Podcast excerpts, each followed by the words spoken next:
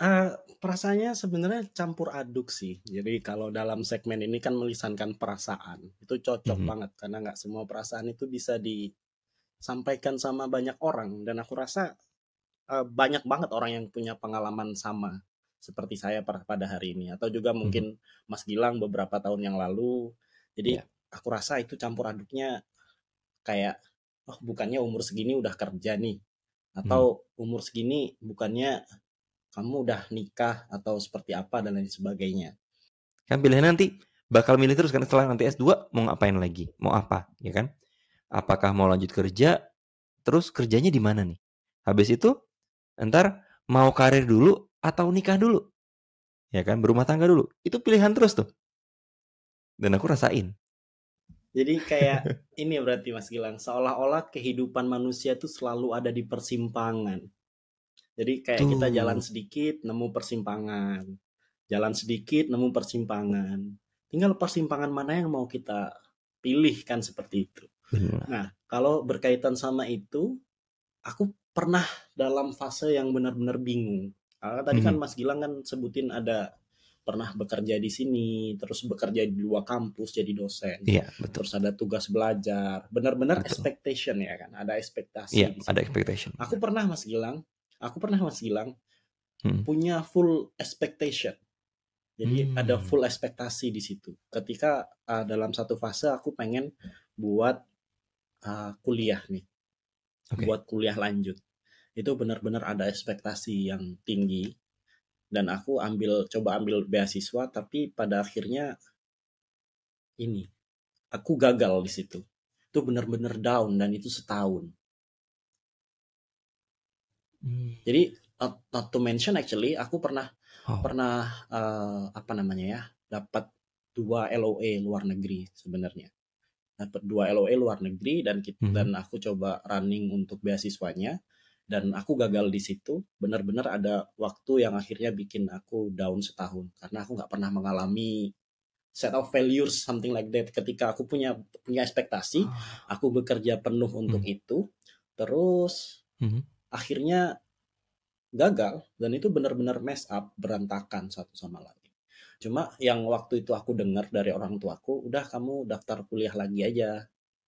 Ketika itu belum itu masih proses sih Mas Gilang Ah, iya. masih proses. Masih proses eh, apa namanya ya cari beasiswanya. Sebenarnya LOE udah dapet. Hmm. waktu waktu proses beasiswanya aku diskusi sama orang tuaku. Kamu mau nunggu ini sampai kapan ini kan nggak pasti kan kayak gitu yang pasti itu kamu kuliah kuliah daftar lagi di dalam negeri kamu pilih kampus mana aja terserah Mhm. tapi daripada kamu punya spare waktu kosong nggak kamu pakai itu mending kamu optimalkan itu ah, it's hard to believe sebenarnya aku juga nggak sepakat Mhm. sama pandangan orang tuaku waktu itu tapi Oke. pada akhirnya ada yang bisikin nih dalam pikiranku nah, itu juga masuk akal sih Gung itu juga masuk akal dan kamu nggak boleh menihilkan sesuatu yang masuk akal Oke. punya ekspektasi dan cita-cita itu bagus tapi menihilkan uh, kesempatan itu nggak boleh karena itu nggak masuk akal nah Hmm. akhirnya aku daftar kuliahku yang di UI ini Mas Gilang Iya. aku daftar kuliahku yang di UI ini uh, benar-benar less expectation. Kalau ini benar-benar less expectation. Bener-bener. jadi kayak Ah, uh, aku bikin dua choice. Aku punya dua Mhm. choice. Yang satunya Mhm. ekspektasiku penuh di sini 100% yang di sini nggak ada. Nggak ada ekspektasi. Yang UI ini nggak ada ekspektasi. Keterima ya udah nggak keterima ya udah kayak gitu kan. Ah gitu ya. Jadi jadi in the end in the end kuliahku yang di luar negeri aku harus apa namanya ya uh, less hope lah. Benar-benar sedikit harapan karena beasiswanya nggak dapet. Tapi aku di situ down. Di situ down. Wah kok bisa ya kayak gini ya? Hmm. aku udah udah berusaha penuh. Aku udah coba IELTS dan ini kebetulan IELTSku bagus. Dan ini aku Oke. udah uh, apa ya usahaku di situ udah banyak. Waktuku aku Iya. habiskan di situ banyak. Tapi benar-benar bikin kita turun turun hancur gitu loh jadi kalau kalau meras melisankan pikiran sebenarnya aku nggak bisa untuk melisankan pis- apa ya perasaanku waktu itu untuk meras melisankan perasaanku waktu itu aku Perasaan. bisa Hmm.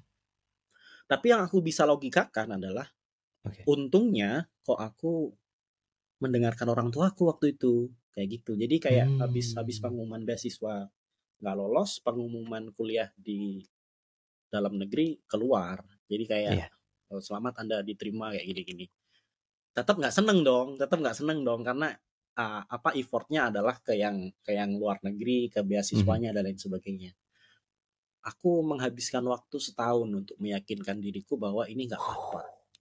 Berarti baru semester ini nih. Iya.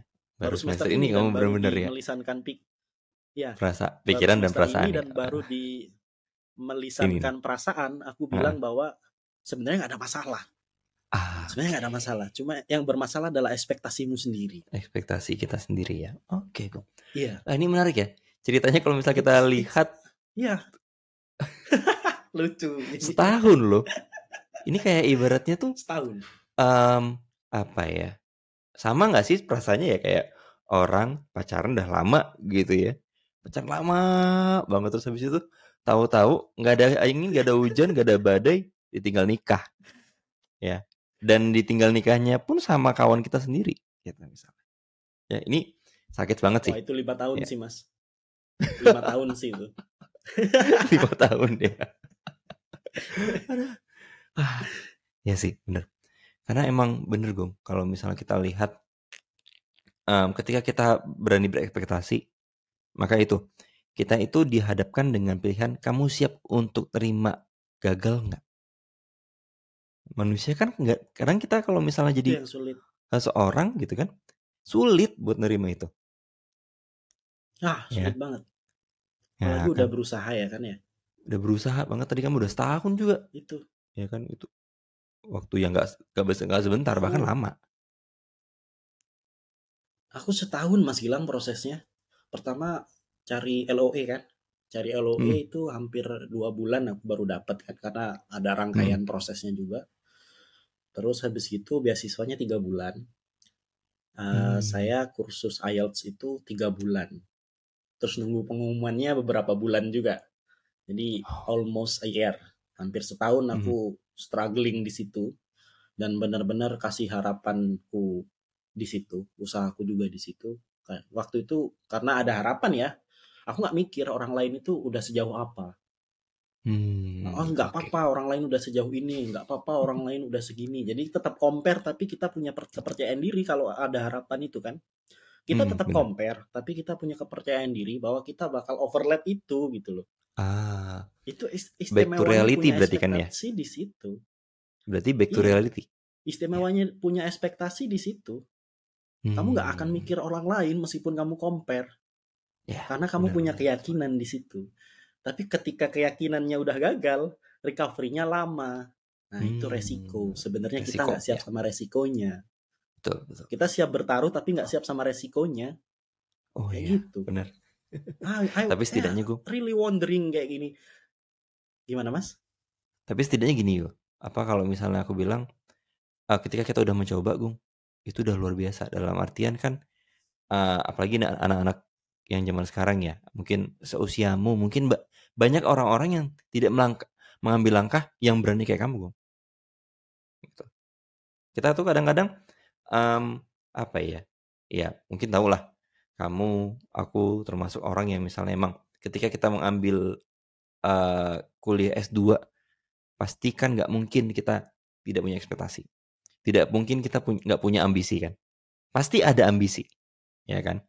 Dan tidak semua orang mau ngambil ambisi itu, gitu loh. Menyalakan api itu nggak gampang, ya. Sampai pada akhirnya finish eh, membawa api tadi ya, ibaratnya kita bawa apa obor olimpiade itu sampai eh, garis akhir tuh nggak semua orang bisa, gitu loh. Ya kan? Nah, Iya, water relief gitu ya. Setidaknya Iya, kita berjuang. Kalau kalau aku sih pada kesimpulanku akhirnya Mas, Mm-mm.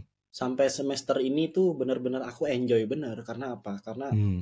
ya seenggaknya aku pernah berjuang dan aku akan berjuang lagi. Kayak gitu sih. Jadi eh, Hmm. akhirnya aku ngerasain yang namanya self relief kayak gitu. Yang tadi aku Self bilang bahwa yang bisa yang bisa bikin kamu baik-baik aja ya dirimu. Yang bikin Betul. kamu bisa berjuang ya dirimu. Sebenarnya orang lain itu hanya part of lingkunganmu yang itu ketika takdirnya sedang mendukung kamu dia akan mendukung. Tapi ketika Mhm. takdirnya tidak mendukung kamu dia nggak akan ngehirauin kamu sama sekali. Jadi sebenarnya yang bisa kamu pegang adalah dirimu sendiri.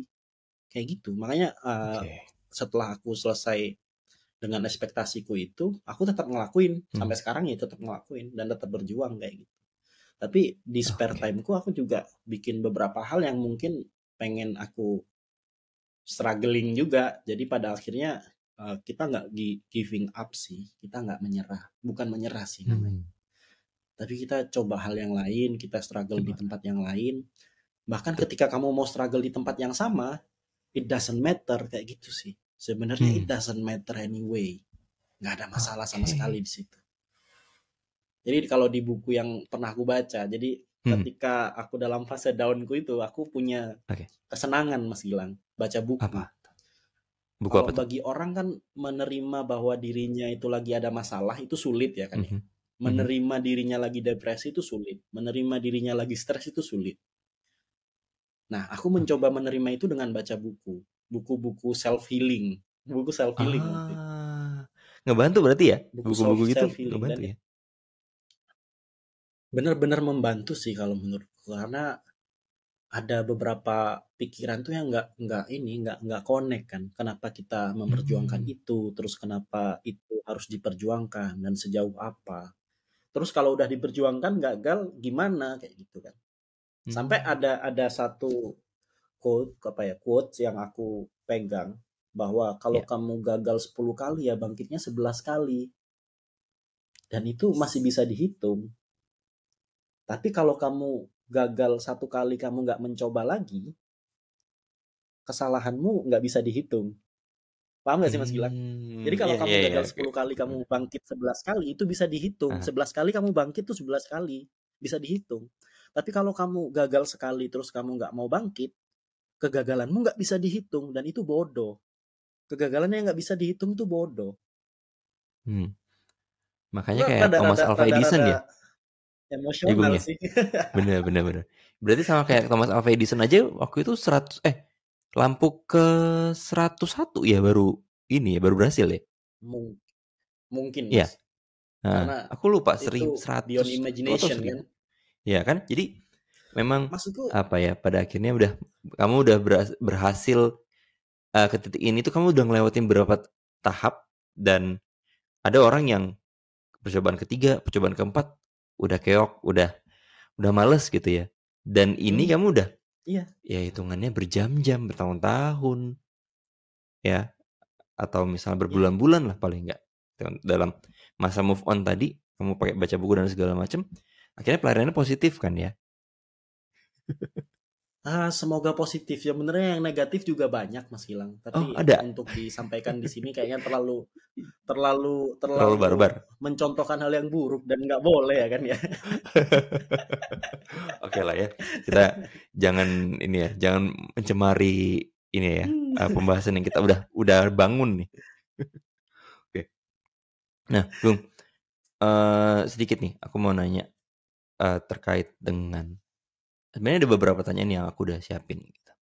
tapi tadi menarik ya kamu pada akhirnya eh, ngerasain overthinking juga ngerasain trust isu sama diri sendiri kemudian juga sakit yang Hmm. nggak berda apa sakit banget dalam gitu ya nancep sakitnya tapi nggak berdarah gitu ya udah dapat LOE Luka, terus luka Mas. lukanya Perih tuh masih membekas gitu itu satu tahun lebih nah eh, ini kan tadi kan sebelum ya Gung ya kan ada pra ada ya saat ini yang kita jalani kita nah saat ini Gung kamu kan lagi menjalani katanya tadi enjoy ya menjalani S2 nya nih enjoy.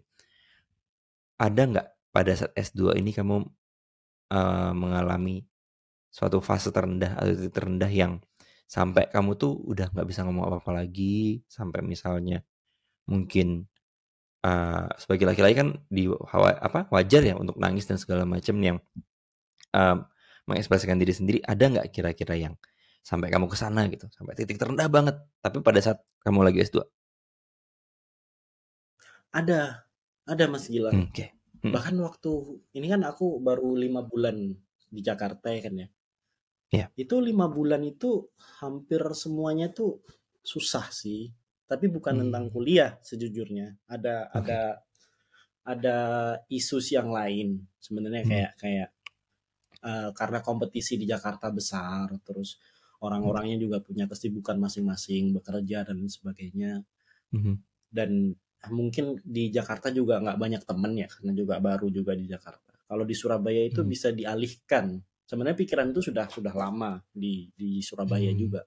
Tapi itu bisa Oke. dialihkan karena banyak temen kan di Surabaya. Kita punya banyak temen di sana. Meanwhile di sini nggak ada. Nah, ketika di Hmm. sini itu sebenarnya lebih banyak waktu untuk refleksi sih di di di Oh. Jakarta. Oke. Aku benar-benar benar-benar berpikir kayak eh, gimana ya aku bakalan apa compete di masa depan. Nanti aku bakal jadi apa, terus karirku seperti apa. Eh, kalau aku kayak gini ini bakalan konsekuensinya gimana. Dan itu sedikit banyak kan sebenarnya yang kita rasain itu ketakutan kan. Jadi kalau ketakutan termasuk dalam kategori titik terendah itu banyak dan Hmm. hampir bisa dihitung mungkin 5 sampai 10 kali lah aku benar-benar ngurung diri Waduh. di kamar Oh. terus kayak apa ya sebenarnya nggak nggak nangis yang kejer gitu tapi nangis yang Hmm. berbesmili kayak Wah, ya aku bakal berbes gimana ya aku bakal gimana Iya, ya kayak bener, gitu jadi jadi kayak jadi kayak apa ya sebenarnya nggak nggak semua itu nggak semua itu harus dipikirkan benar-benar yang concern gitu loh Mas Gilang Hmm. Hmm. itu Iya, kayak kayak ini pelajaran baru buat aku kayak you just just learn to live with your life benar.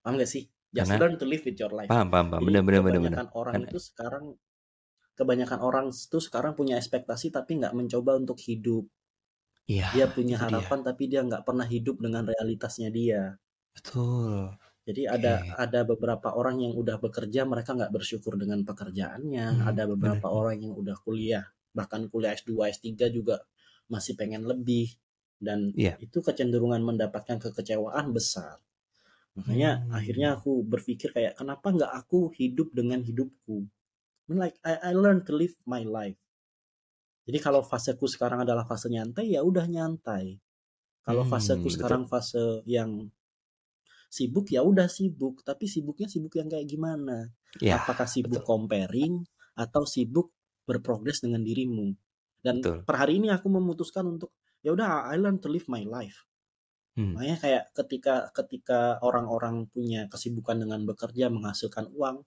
aku sibuk konten aku nggak tahu kok Ah, konten nah, itu itu dia. bakalan seperti apa tapi at least tapi at Hmm. least at least Hmm. aku bisa belajar hal yang baru aku bisa belajar untuk punya investment karena kan kategori kategori konten tuh sekarang sudah termasuk investment dan bisa Betul. dijadikan pinjaman bank kan Ya, bisa jadi alasan untuk pinjam ke bank portofolio. ah ya akhirnya kayak aku berpikir kenapa kok aku nggak ngelakuin apa yang aku pengen Ah. kenapa kok aku pengennya compare terus kenapa kok harus Mhm. kok harus aku itu jadi seperti mereka kenapa nggak aku jadi diriku Hmm. sendiri kasarannya kayak gitu Iya. dan itu apa ya penelusuran penelusuran paling dalam dalam diriku jadi aku ngelihat ya cobalah aku pengen live with my life lah jadi lebih lebih longgar lebih nyantai gitu loh Mas Gilang makanya tadi Hmm. Mas Gilang ngubungi aku aku di mana saya di kafe Mas aku di sini Mas. Aku di kafe kayak gitu kan. Hmm. dan orang kafenya tuh sampai bilang kayak bang lu kok di sini tiap hari sih bang? Kayak gitu. Ya aku jawab aja karena karena karena apa ya nothing to do with my life actually. Aku bilang kayak ya aku investor tetap bang di sini. Tapi I mean it gitu mas. Aku bener-bener Ya, ya. bener-bener menegaskan itu. Bener. Eh, mungkin sekarang aku di sini aku di sini di cafe ini belum ketemu sama siapa-siapa tapi di masa Mhm. depan aku bisa ketemu orang lain dan ini my Exactly. investment dan Ya. aku membuktikan itu kemarin Hmm. Aku membuktikan itu kemarin. Aku ketemu beberapa temen dan mereka menawarkan hal project ya sama aku ya. Bung, lu mau nggak gini? Lu mau nggak gini? Ini Mhm. bakalan kayak gini. Dan itu kebukti gitu loh mas. When you learn your life, when you live with your life, itu bakal ada ada aja sih orang-orang yang bakal nyariin kamu di sana. Hmm. Jadi nggak nggak nggak nggak nggak perlu lah kita buat buat Betul. buat berkompetisi sama orang sebenarnya. Iya. Kita sebenarnya itu cuma butuh punya genuine genuinity apa ya sulit Genuinity. bahasa Inggrisnya. genuinity, uniqueness. Hmm. Jadi learn to live with your life kayak gitu sih Nah, buat itu. hari ini. Ntar kayaknya aku bakal jadi Jadi bikin itu sebagai quote ya, ya. keterpurukan itu tadi, akhirnya refleksinya kayak gitu kebetulan. Ntar aku jadiin quote ya. eh, tapi gini, Gong. Ini menarik ya, Gong ya. Karena uh, akan ada fasenya kamu nanti uh, bekerja juga.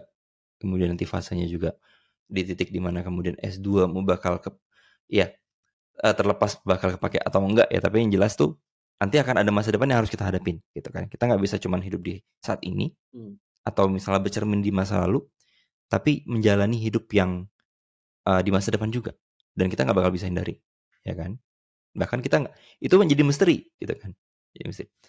Nah uh, aku tadi sem- sempat berpikir gini kok ketika kamu ngomongin soal jadilah dirimu sendiri peduli sama dirimu sendiri ada istilah yang aku pikirin di kepalaku Em, ada sekarang untuk saat ini kamu tetap jadi being yourself jadilah diri kamu sendiri gitu. Jadilah diri Agung sendiri gitu.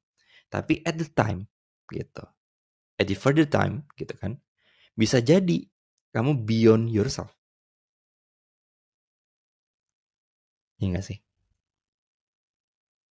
Beyond tuh gimana maksudnya, Mas? Beyond itu apakah Jadi kamu gini. menjadi orang lain atau beyond itu bukan jadi berkembang? orang lain Eh, berkembang dalam arti gini em, apa yang kita dapatkan di S2 nanti pada akhirnya membuat eh, kita bahwa em, sebenarnya kita tuh jadi diri kita sendiri tapi kita sudah melewati tahapan-tahapan yang mungkin orang lain belum melewati dan nanti ke depannya juga bakal kita akan hadapi orang-orang yang lebih daripada kita. Dan kita pada akhirnya nanti ya jatuhnya sih eh, apa ya bukan lingkaran setan sih cuman nanti persaingannya akan berbeda sih.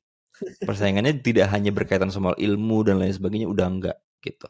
Jadi beyondnya di sini ya bahwa dunia itu nggak cuma soal akademis tidak cuma soal hari ini mau makan apa tapi juga nanti bakal ada yang lain dan versi kita bakal lebih muncul dari yang lain kan Eh, berubah entah eh, menjadi seorang yang mungkin idealis gitu ya atau realistis. Karena aku sekarang udah menjalani itu gong aku beyond myself dalam artian aku dulu S2 pikirnya ah, aku bisa nggak ya lulus ya? Terus pada saat sudah selesai kerja eh, aku karirku gimana ya? Gitu ya. Bahkan sekarang pun juga aku menjalani karir selain sebagai ya pengajar gung ya gitu kan. Dan sekarang juga ada kerjaan-kerjaan lain juga gitu. Dan aku ngerasa kalau misalnya aku dulu cuman taunya ya udah eh, di S1 doang mungkin ya. Atau misalnya ya udah S2 aku aku jalanin dengan setengah hati atau ya jalan gitu aja tanpa ada misi ke depannya kayaknya aku nggak bakal sampai titik sekarang. Nggak bakal bisa ketemu sama kamu nggak bakal bisa bikin Hmm. podcast ini. Gitu.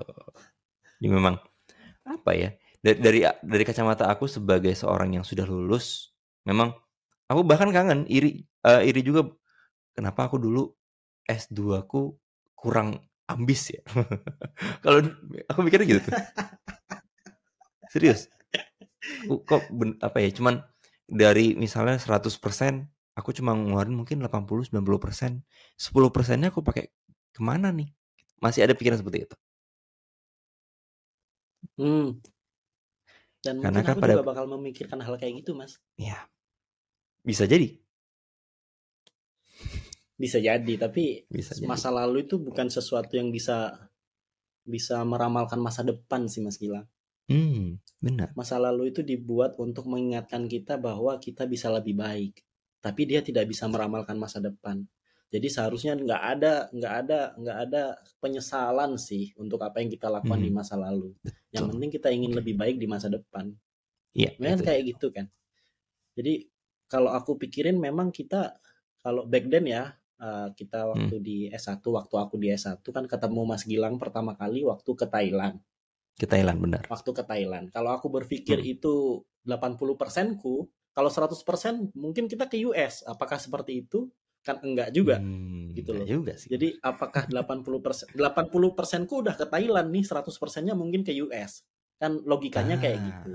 Hmm, Tapi itu di masa lalu dan masa lalu nggak bisa kita nggak bisa kita Nggak bisa hitung. kita jadiin. Masa lalu cuma kita Mm. cuma iya cuma bisa ki- buat kita itu lebih baik ke depan. Sebenarnya kalau Ya, kita betul. remembering masa lalu itu salah satu yang paling penting adalah bagaimana untuk merefleksikan masa depan, tapi untuk tidak meramal masa depan. Tapi itu nggak Ah. bisa ngeramal masa depan, Mas Gilang. Betul, Apakah di masa depan saya akan seperti itu? Nggak juga. Makanya kan eh, learn to live with your life itu Hmm. ketika kamu hidup di realitas sekarang dan kamu berusaha sebaik-baiknya sekarang, itu akan benar-benar bisa jadi sesuatu yang bisa kamu hitung di masa depan. Sebenarnya kayak gitu. Jadi overthinking untuk masa depan sebenarnya juga nggak perlu.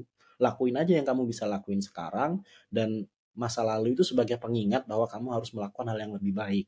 Jangan pikirkan masa depan. Masa depan itu bisa kamu rencanakan, tapi ketika rencanamu itu tidak berjalan dengan lancar, apakah kamu gagal? Belum tentu. Karena tentu. banyak orang yang sebenarnya udah bekerja keras, bekerja keras, bekerja Mhm. tuntas dan dia banyak usaha di situ, itu gagal. Ya. Apakah kita bisa bilang orang itu bodoh? Kan enggak. Ya, benar. Apakah kita bisa o- bilang orang itu nggak punya bakat? Enggak juga. Siapa tahu dia cuma sial waktu itu. Iya kan? Hmm. Masuk akal dong. Masuk akal. Jadi kalau kita punya punya bisnis terus bangkrut di masa depan, apakah kita nggak berjuang? Apakah kita tidak pinter? Apakah kita tidak sukses? Enggak juga gitu loh. Siapa Hmm. tahu memang memang sial. Dan Ya. ketika kita sial, terus kita meman, apa ya, memikirkan kesialan itu sebagai sesuatu yang niscaya bahwa kita Mm. bodoh, kita Ya. nggak pinter dan lain sebagainya, ya kita akan terus-terusan gagal. Tapi kalau kita percaya bahwa itu hanya nasib yang sial, kita akan cepat bangkit kayak gitu sih. Hmm. Oke. Simply ya bangkitnya itu yang penting, bukan sialnya. Bang, bangkitnya. Bukan Betul. gagalnya yang penting, bangkitnya Bukan yang gagal. penting. Bangkitnya ya. Kayak Gitu kamu sekarang yang pada akhirnya Ya. ya gagal di luar negeri tapi di dalam negeri juga UI loh. Jangan salah, Bos. Gitu ya. Ah, aku sempat Eh. sempat bilang sama sama orang sama pikiran pikiranku nih Mas ya. Ah, dulu aku nggak punya cita-cita kuliah tinggi sih sebenarnya. Iya. Tapi ternyata sekarang dari yang awalnya itu apa ya SD antah berantah sekarang Mhm. back apa ya belakang nama tempatku belajar itu Indonesia loh dan itu merepresentasikan keseluruhan Indonesia seharusnya seharusnya kayak gitu. Kalau mau dibilang pembenaran ya mungkin pembenaran. Tapi kalau dibilang bersyukur juga bersyukur. Kita tinggal milih yang mana apakah kita bersyukur atau kita bilang itu pembenaran. Gitu aja. Hmm. Oke. That's all.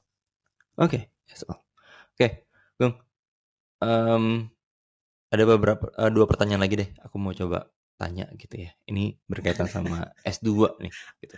Karena kalau pembicaraan kita ngomongin soal masa depan masa depan gitu ya, apa yang namanya ekspektasi kita segala macam. Kalau misal kita ngomongin yang benar-benar deep, ya ini sebenarnya udah deep banget gitu ngomongin soal eh, apa nama suka dukanya, kemudian juga ngomongin soal ekspektasi, ngomongin soal jadi diri kita sendiri gitu ya. Tapi gini kok, em, aku mau nanya dari kacamata seorang Agung Triputra gitu.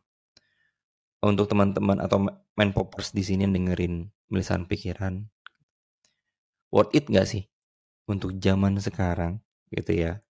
Untuk ibaratnya anak-anak yang mungkin masih berpikir ya udah habis eh kuliah kerja aja lah, ngapain S2 ngapain sekolah tinggi-tinggi gitu ya ini kita lepas dari gender ya laki-laki atau perempuan gitu masih worth it nggak atau memang harus dikejar Kuliahnya maksudnya S2. kuliahnya Ah, Eh, aku kemarin baru bikin video sih Mas Gilang tentang Hmm. pendidikan di Indonesia. oke Jadi ternyata lulusan SMA di Indonesia tuh baru di angka 60 persenan. Oke. Lulusnya. Berarti setengah dari itu nggak lulus dong. Masih SMP kan ijazah. Mhm, benar Terus orang yang melanjutkan ke pendidikan tinggi itu cuma sekitar 6 persen di tahun 2021. oke Apakah itu menyimpulkan bahwa itu worth it atau tidak? Aku juga nggak bisa bilang itu worth it. Tapi ketika kamu kuliah S2, sebenarnya bukan mengenai perspektif baru atau mengenai keilmuanmu saja yang akan berkembang. Tapi ada banyak, contohnya di jaringan dan lain sebagainya. Beberapa kali aku dengar ada orang itu nggak lolos apa pun bekerja tidak diterima dan sebagainya. Dan mereka memutuskan untuk menyalahkan orang dalam. Oh ini ada orang dalam dan sebagainya Hmm. terus aku berpikir lebih dalam lagi dan aku menyimpulkan bahwa ya salah dia nggak punya orang dalam. Kayak gitu salah dia nggak punya orang dalam. Kenapa kenapa kok selama ini dia nggak deket sama orang dia nggak bisa membangun jaringan dia memutuskan untuk begitu selfish percaya dengan kemampuan dia tapi dia nggak percaya dengan kemampuan komunikasi dia. Dan di S2 banyak banget jaringan yang bisa membantu kita untuk lebih maksimal melakukan sesuatu. Iya nggak sih Mas Gilang? Ya, penting. Mas Gilang Iya. ngerasain itu nggak kira-kira? Ngerasain banget sih. Karena karena kalau kita nggak nggak nggak mencoba melebarkan perspektif kita lewat jaringan, kita juga nggak bisa apa-apa. Kita akan hidup dalam tempurung kita sendiri. Iya. Kita akan hidup dalam idealisme kita sendiri yang itu seolah-olah sangat benar. Hmm, Padahal dunia nggak bekerja untuk kita sendiri gitu loh. betul ya, itu dia. Jadi Benar, benar, yang bisa kita lakukan sebenarnya memaksimalkan peluang kita aja. Jadi kalau ditanya worth it apa enggak, ya sangat worth it dong. Sangat out it ya. Sangat Oke. worth it. Nah, Karena dia bisa jadi instrumen untuk pekerjaan, dia bisa untuk jadi pengembang pemikiran dan juga ilmu. mhm. Dia juga bisa meningkatkan jaringan kalau tahu caranya menggunakan. Hmm, Itu KS2 sangat penting. Makanya aku berpikir kan ngapain orang GM umur 50 tahun pengen S2. hmm, Ternyata ketika aku tanya dia bilang kayak ya ini support pekerjaan saya Mas. Saya pengen pengen pengen bisa untuk manpower management dan manpower management ada di kurikulum ini. Dia pengen memberikan dirinya sertifikasi bahwa dia paham mengenai manpower management. Dan itu di S2.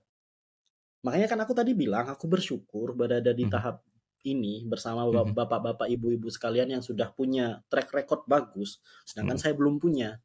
Ini membuktikan bahwa Ah. saya juga spesial. Ya, betul. Makanya kan bapak itu tadi, bapak itu tadi kan dia pengen belajar nih di S2. Ya orang yang sudah sejauh itu pengalamannya pengen belajar S2. Kita yang belum apa-apa masa nggak pengen S2? Jadi Hmm. kesimpulannya adalah siapa suruh S2? Ya nggak ada yang nyuruh. Gak ada yang Nggak ada nyuruh. yang nyuruh itu itu benar-benar pilihan yang sangat sulit karena kita nggak dalam stage itu kita nggak Iya. sebenarnya nggak dalam stage itu kan kita pengen kerja kan pengen punya Mm-mm. uang pengen ini dan sebagainya tapi in the end pada akhirnya orang yang 50 tahun aja pengen S2 gitu loh mas Hmm, betul, betul, betul. bukannya kita udah melampaui keinginan dia sebenarnya keinginan orang Iya. yang 50 tahun itu dia baru sadar dia butuh S2 ketika umur 50 tahun Hmm, apalagi kita Jadi masih muda Mas ya. Gilang Mas Gilang S2 umur berapa? Aku S2 26 kalau nggak salah ya. Du- 26. 26 nih kayaknya. Kalau nggak salah. Di umur 26 udah pengen S2 kan berarti udah melampaui keinginan orang yang umurnya 50 tahun. Bukankah itu Iya, mencerminkan kecerdasan, kecerdasan dalam memikirkan tujuan, meskipun pada akhirnya overthinking kan? Yang Hmm. yang yang menjadi pertanyaan adalah siapa suruh overthinking? Tapi enggak, ntar, kayaknya aku juga, ntar, aku kan ngambil 2016 ya Gung ya. Iya. 2016 kamu berapa tahun umur berapa? Aku baru masuk mas tahun itu. Aku masuk kuliah 2015. 2015 umur 2015 umur berapa ya? Dua, 23 paling mas. Apa 23? 23? Enggak sih, enggak, enggak 22. 25 tahun. Ini 7 tahun. 7 tahun. Aku umur 19.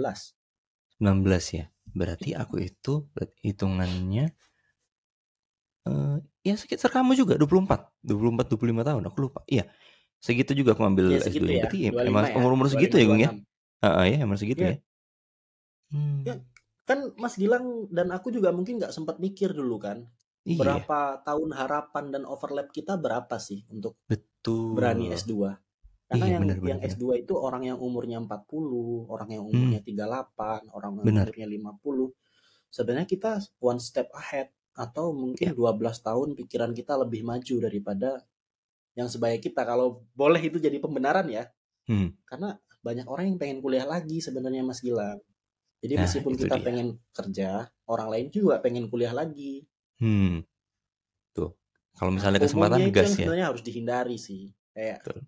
kenapa overthinking kayak gitu aja sih sebenarnya Ya. udah lakuin aja Kalau misalnya kesempatan gas ya Iya. Gung ya daripada nunggu lagi udah mikir nggak usah mikir panjang deh udah kalau misalnya emang ada kesempatannya teman-teman ada privilege misalnya atau misalnya dapat beasiswa gitu ya udah ambil aja gitu kesempatan S2 dalam negeri luar negeri ya kalau misalnya disuruh siapa suruh ambil S2 kita bisa simpulkan bahwa ya pilihan itu diri sendiri.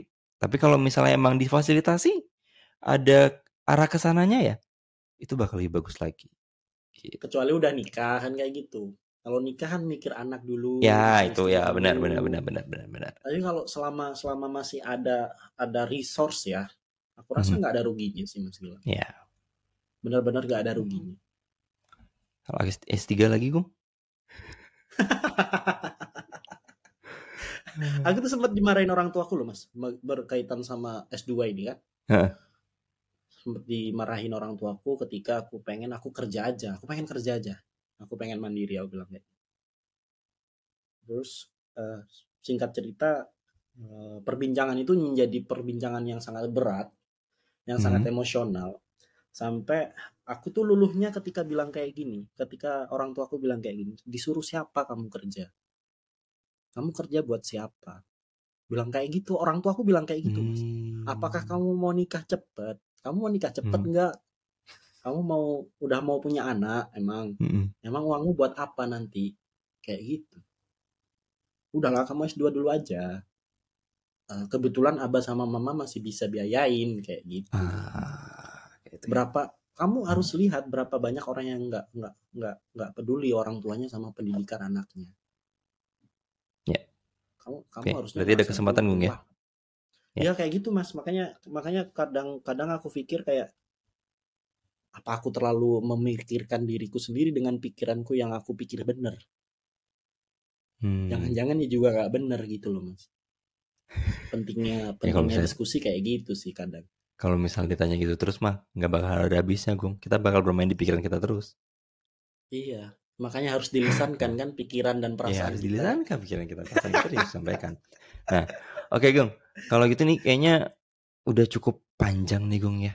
Gitu ya. betul udah panjang Eh, ceritanya. Terakhir nih Gung, singkat padat jelas uh, pesan untuk main poppers di sini deh. ah Untuk yang Pesannya- mungkin masih ragu-ragu ngambil S2, pesannya aku tidak ingin membuat mereka kuliah S2 karena itu pilihan. Hmm, tapi aku pengen mereka mikir lebih dalam dan mencoba live their own sebenarnya. Ah jalanilah kehidupan kalian dengan dengan kesenangan dengan pikiran yang positif dengan semua hal yang menurut kalian baik Hmm. jadi jangan overthinking deh karena overthinking itu pertama kalian mikir dan mikir itu butuh tenaga. Dan tenaga yang kalian keluarkan itu juga nggak buat apa-apa in the end. Coba deh kalian damai sama diri kalian kalian lakukan apa pun yang terbaik buat kalian. Kalau itu positif lakukan aja. Jangan compare Hmm. sama yang lain karena compare itu bikin sakit hati. Dan kalau jatuh ketika ekspektasinya tinggi juga sulit untuk recovery Oke. gitu sih mending go ahead gitu lah kalau di slogannya Nike yang terkenal itu just do Mhm. it Wah, Just do it. just do it gitu ya. ya, just do it. Oke, ini spon- semoga disponsor segera disponsori sama Nike Indonesia nggak apa-apa ya. amin Amin. ya, podcast Um, lari-lari Ini podcastnya nggak apa-apa deh, podcastnya kita lari-lari ya, tapi lumayan siapa tahu eh apa pada saat rekaman podcast udah pakai bajunya Nike gitu ya. Terus ngarep ya, kayak Under Armour gitu ya ya Under Armour gitu ya. Aduh ini ini mumpung mulai kosong juga nih misalnya pikiran ya. Ayo brand-brand masuk gitu siapa tahu kan Agung endorsean Agung bisa masuk ke aku juga nih. Iya nanti mas Insya Allah Hmm. lima tahun lagi Waduh, amin. Amin, amin, amin. Kita nggak pernah tahu loh. Siapa tahu dikabulin sama Allah loh. amin Iya. iya Eh, Gung, em, apa namanya eh terakhir deh ya. Ini terakhir mulu ya. Um, share deh kalau misalnya teman-teman mau ngobrol lebih dalam, mau ngobrol cerita-cerita lebih dalam soal S2, kemudian juga gimana sih S2 di Jakarta atau misalnya S2 di UI, apalagi ngambil studi pertahanan nasional, gimana Gung? Instagramnya di mana Gung?